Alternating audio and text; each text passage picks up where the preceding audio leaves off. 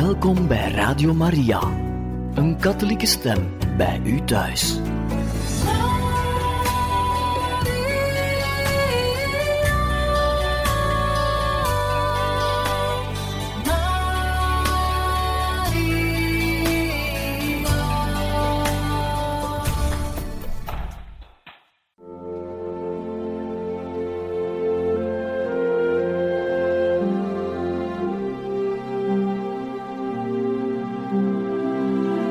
Beste luisteraars van Radio Maria, welkom bij het programma Catechismus. Een overweging bij de geloofschat van de kerk.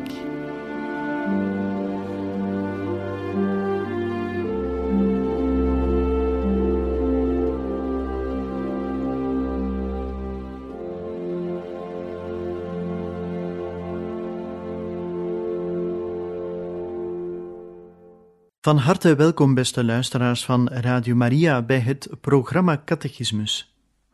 Vandaag luisteren we naar eerwaarde heer Pierre François in een reeks die zal gaan over de verschillende sacramenten. We luisteren naar een catechese over het vormsel. Vandaag gaan we het hebben over het sacrament van het doops, van het vormsel. Ik zei bijna doopsel omdat er een grote eenheid bestaat tussen vormsel en doopsel. Het is namelijk zo dat de christelijke initiatie uit drie stappen bestaat. Het doopsel, het vormsel en het ontvangen van de Eucharistie. Dus om de volheid van de genade van het doopsel te kunnen bereiken, moet men nog na het doopsel twee sacramenten ontvangen, namelijk het vormsel en de Eucharistie. Vandaag hebben we het over het vormsel. Het doopsel en het vormsel vormen een grote eenheid. In de kerk vindt het heel belangrijk dat we dankzij het vormsel een bijzondere kracht van de Heilige Geest zullen ontvangen. En door het feit dat we het vormsel ontvangen, zijn we strenger gehouden om als waarachtige getuigen van Christus op te treden. Door ons werk, door ons woord, om het geloof te verspreiden en verdedigen. Ieder gedoopte is daartoe geroepen en het is precies het vormsel dat ons de genade schenkt, de kracht om dat te kunnen doen. Waar komt het vormsel vandaan? Wel van heel ver. In het Oude Testament hebben de profeten aangekondigd dat de geest van de Heer zou rusten op een verwachte Messias. En die nederdaling van de Heilige Geest is een waarheid geworden wanneer Jezus de Heilige Geest heeft ontvangen. Toen hij door Johannes de Doper gedoopt werd, wel, toen heeft hij de Heilige Geest zien neerdalen onder de gedaante van een duif. En de aanwezigen begrepen heel duidelijk dat hij daardoor een teken ontving dat hij gezalfd werd door de Heilige Geest, dat hij de Heilige Geest over hem kreeg, dat de Heilige Geest over hem kwam rusten. Wel, die volheid van de geest is niet alleen maar bestemd voor de Messias. Alle christenen zouden een Messiaanse volk worden en dus ook delen in die volheid van de geest.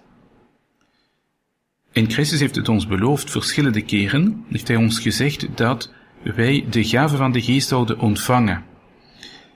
Op de dag van Pasen zelf heeft hij gezegd ontvang de Heilige Geest en op een meer uh, luisterrijke wijze heeft hij die Heilige Geest gezonden over de apostelen op de dag van Pinksteren.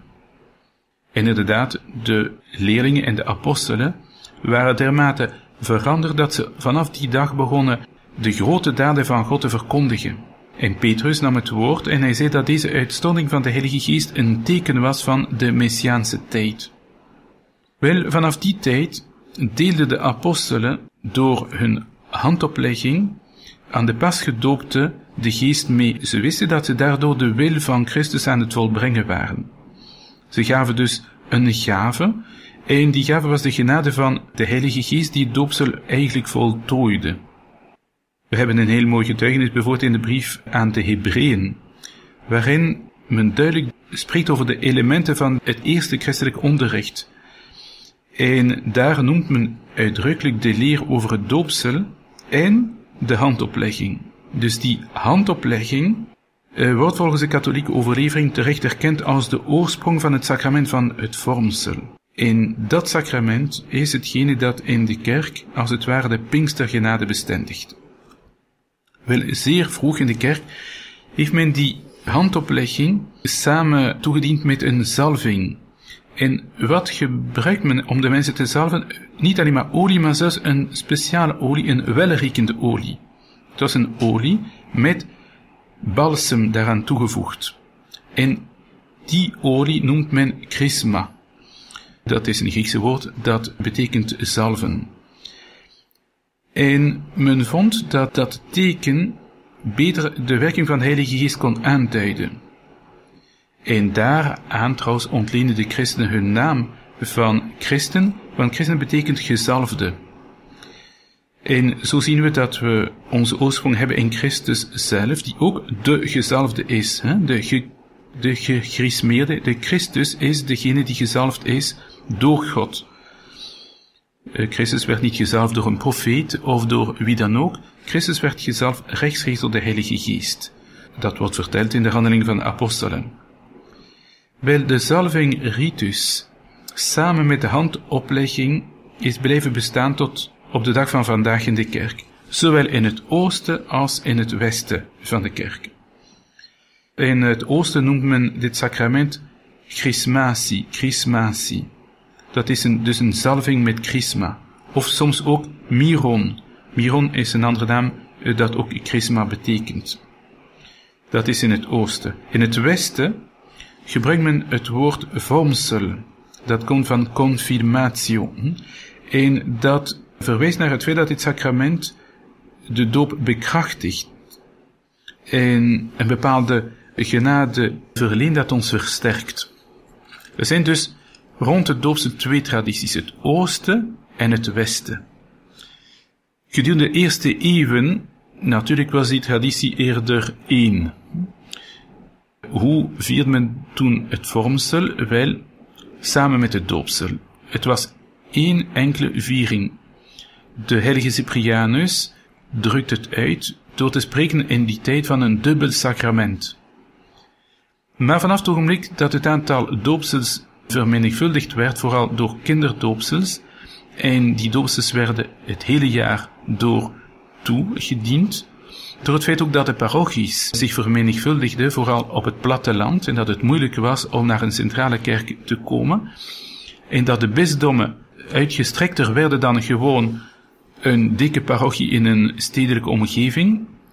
Wel, vanaf dat ogenblik was het niet meer mogelijk dat de bisschop bij alle doopvieringen aanwezig zou zijn. En dan zijn er dus twee tradities ontstaan. In het Westen, aan onze kant dus, Rome en heel westerse wereld, daar heeft men dan het doopsel uh, willen voltooien door de sacramenten ten eerste van elkaar gescheiden te vieren op een gescheiden tijdstip, maar toch vormde die nog altijd een eenheid. In het oosten heeft deze scheiding van beide sacramenten, doopsel en vormsel, niet doorgevoerd.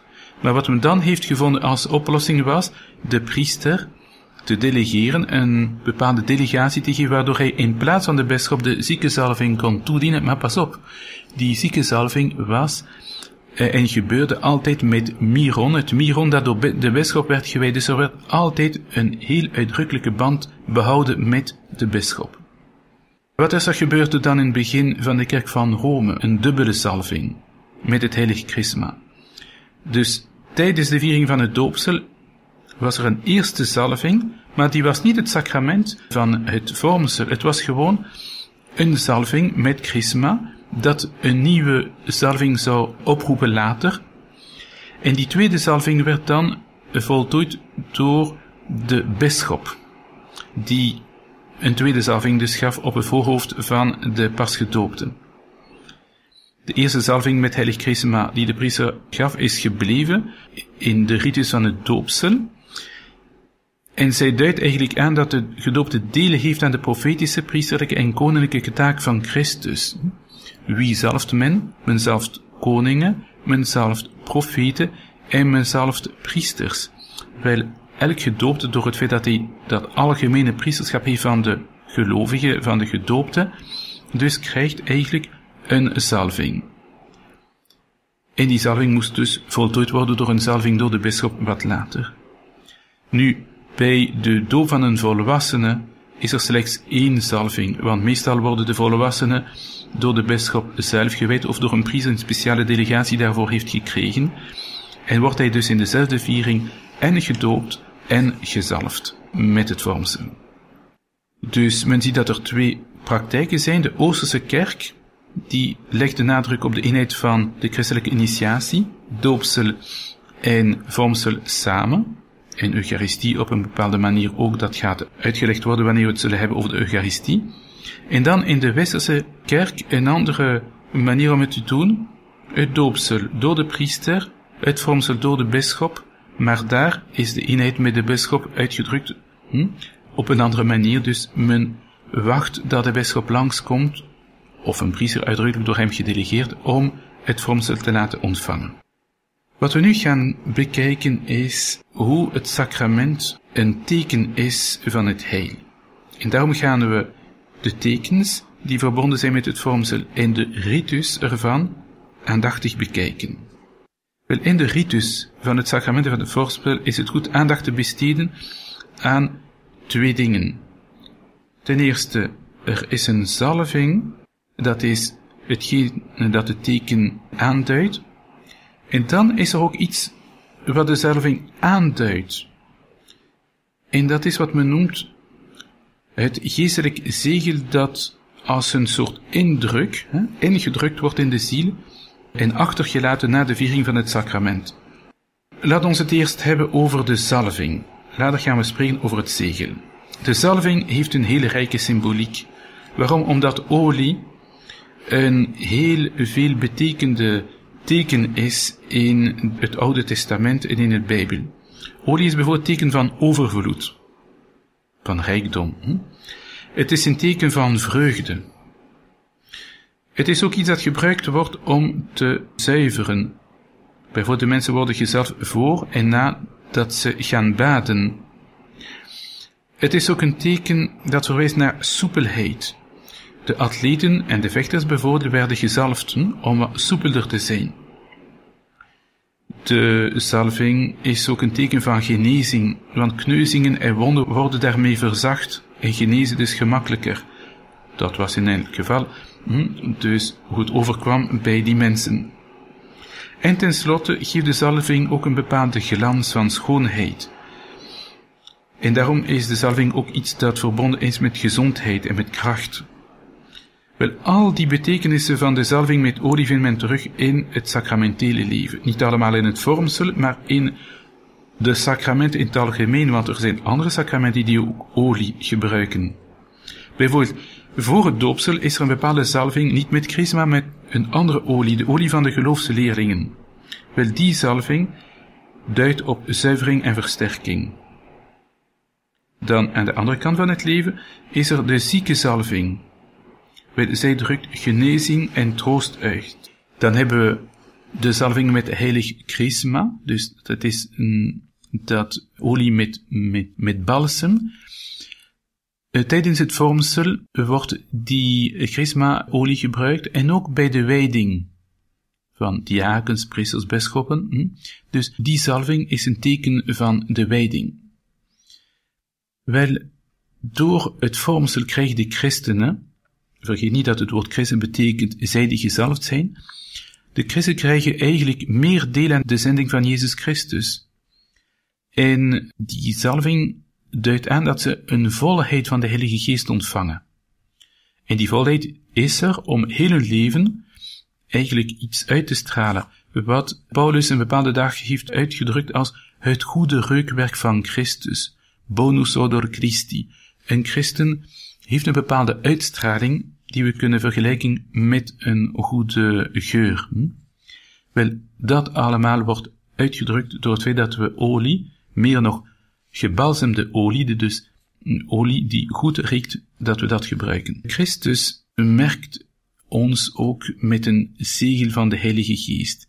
En dat is het tweede aspect dat ik wou onderstrepen in het sacrament van vormsel. We hebben het gehad over die salving, maar nu gaan we het hebben over die indruk die in de oorspronkelijke betekenis van indrukken, duwen in. Hè? Het merkteken van de Heilige Geest, dat is iets dat het vormsel achterlaat in de persoon. Wat is een zegel eigenlijk? Hm? Wel, een zegel, een stempel, is een symbool van een persoon. Het is verbonden met, bijvoorbeeld, ik weet niet, uh, mijn uh, wapenschild of mijn initialen. Een bepaalde zegen is een persoonlijk teken. Het wordt soms gebruikt als authentificatie van het gezag. Bepaalde mensen krijgen daardoor hm, een document met een stempel, met een zegel, of wordt hun eigen persoon ook gemerkt. Hm? Bijvoorbeeld de soldaten werden gemerkt met het teken van hun aanvoerder, of de slaven werden in de oudheid getekend met een teken van hun meester. Het is een soort, het is een teken dat de mensen waar merkt. Hm? Het is een soort juridische daad, of het kan ook gebruikt worden voor een document. Bepaalde documenten dragen een zegel, hè? gedrukt in was, ofwel hè? gedrukt in het papier, of gemaakt met inkt. Allerlei methodes om een bepaald document een juridische kracht te geven. Wel, al die betekenissen van een zegel komen een beetje terug in het feit dat wij gemerkt worden door de Heilige Geest met een bepaald zegel. Wel, Christus zelf verklaart dat hij gemerkt is met het zegel van zijn vader. En ook de christen is gemerkt met een zegel. Ik ga hier een stukje citeren uit de tweede brief van Paulus aan de Corinthiërs. Hij zegt, God zelf is het die ons samen met u in Christus bevestigt. Hm? Bevestigen is confirmare. Hm? En die ons heeft gezalfd. Hij is het die op ons zijn zegel heeft gedrukt en ons de geest als onderpand heeft gegeven. Tot zover hm, het citaat van Paulus en de Corinthiërs. Wel, dit zegel van de Heilige Geest duidt op het feit dat de christen Christus volledig toebehoort en voor altijd in zijn dienst staat. Het verwijst ook naar de belofte van de goddelijke bescherming in de grote eschatologische beproeving.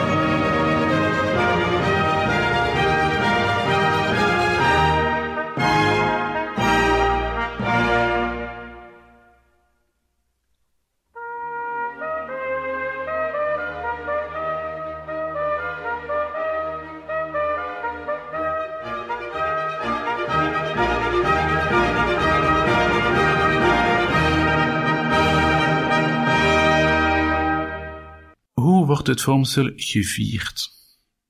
Wel, er zijn twee momenten eigenlijk die van belang zijn. De voorbereiding van olie en dan de viering van het vormsel zelf. Nu gaan we het eerst hebben over de wijding van het heilig chrisma. Waar en wanneer gebeurt dat? Wel, op Witte Donderdag, of soms enkele dagen voordien, wijdt de bisschop tijdens de chrisma-mis, is een speciale mis, op Witte Donderdag niet de avondmis, maar een mis bijvoorbeeld vroeger op de dag, of zoals ik zei, enkele dagen vooraf, hm? maar dus rond Witte Donderdag, wijdt de bisschop voor heel zijn bisdom het heilig chrisma. Ik doe dat met zijn priesters samen, en het is een heel plechtige viering, waar we veel nadruk, de nadruk leggen op de eenheid met de bisschop.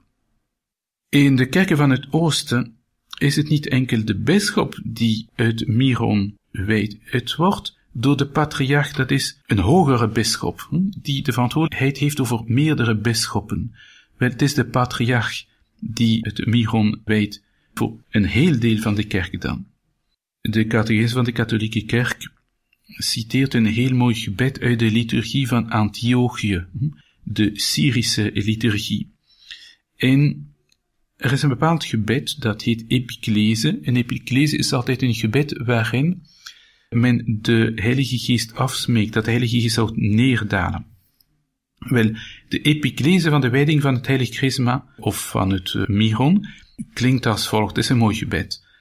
Vader, zend uw Heilige Geest uit over ons en over deze olie hier, en wijd haar, opdat zij, voor al wie er meer gezalfd wordt en gemerkt worden, mag zijn heilig Miron, priesterlijk Miron, koninklijk Miron, vreugdevolle zalving, kleed van het licht, mantel van het heil, geestelijke gave, heiliging van zielen en lichamen, onvergankelijk geluk, onuitwisbaar zegel, schild van het geloof en geduchte helm tegen alle werken van de tegenstander.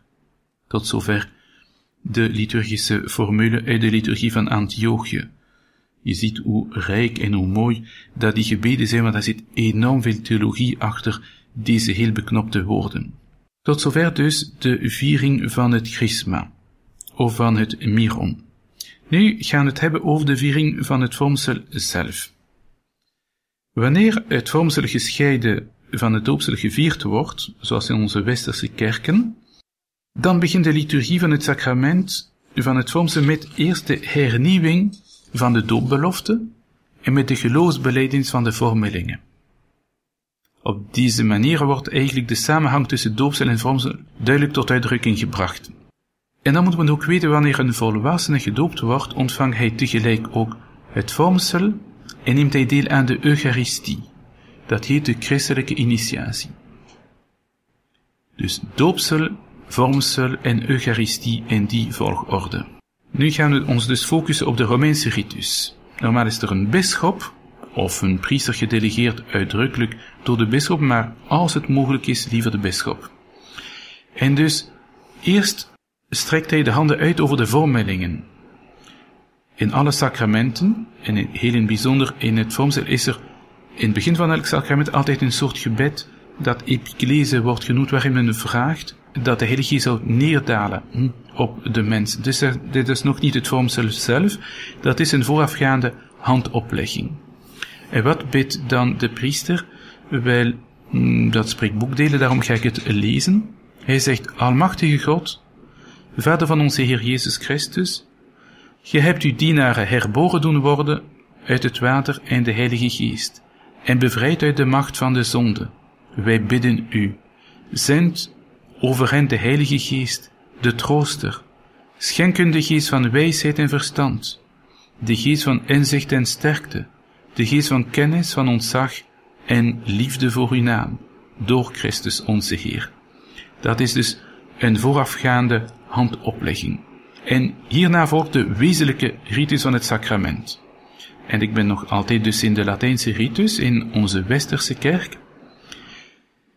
Hoe gebeurt en hoe geschiet die zalving? Het is een gecombineerd gebaar met enerzijds een handoplegging en anderzijds een zalving met olie. Wat doet de bisschop? Hij legt zijn hand op het hoofd van de vormeling en met zijn duim maakt hij op het voorhoofd van die vormeling een kruis met chrisma.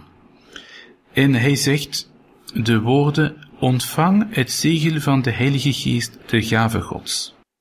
Hoe geschiet dat in de Oosterse kerken? Ik ga het voorbeeld geven hier van de Byzantijnse ritus. Wel, er is ook een epiclese gebed met zalving met het miron en men maakt de zalving niet alleen maar op het voorhoofd, maar op verschillende delen van het lichaam. Het voorhoofd weliswaar, maar ook de ogen, de neus, de oren, de lippen, de borst, de rug, de handen en de voeten. En bij elke zalving zegt de bedienaar van vormsel bepaalde Griekse woorden die ik u zal besparen, en de Latijnse vertaling ook, maar in het Nederlands klinkt dat zo, zegel van de gave van de Heilige Geest.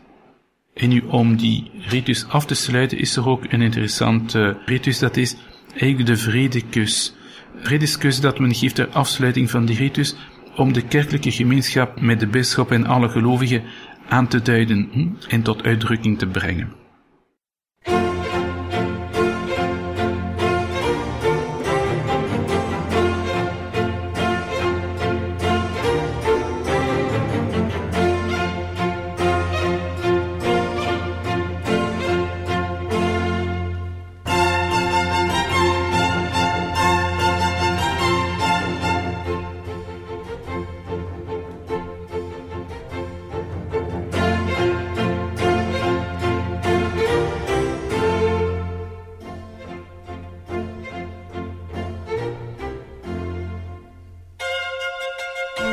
En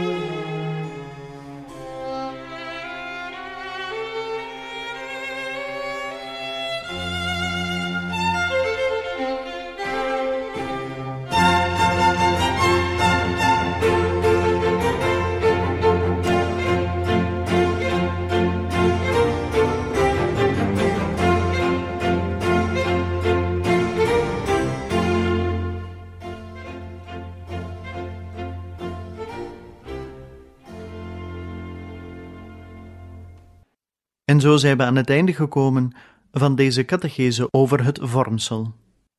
Een volgende keer staan wij opnieuw bij een catechetisch thema stil. We hopen dan ook dat u er ook opnieuw wens bij te zijn. Van harte dank en nog een zeer fijne dag gewenst.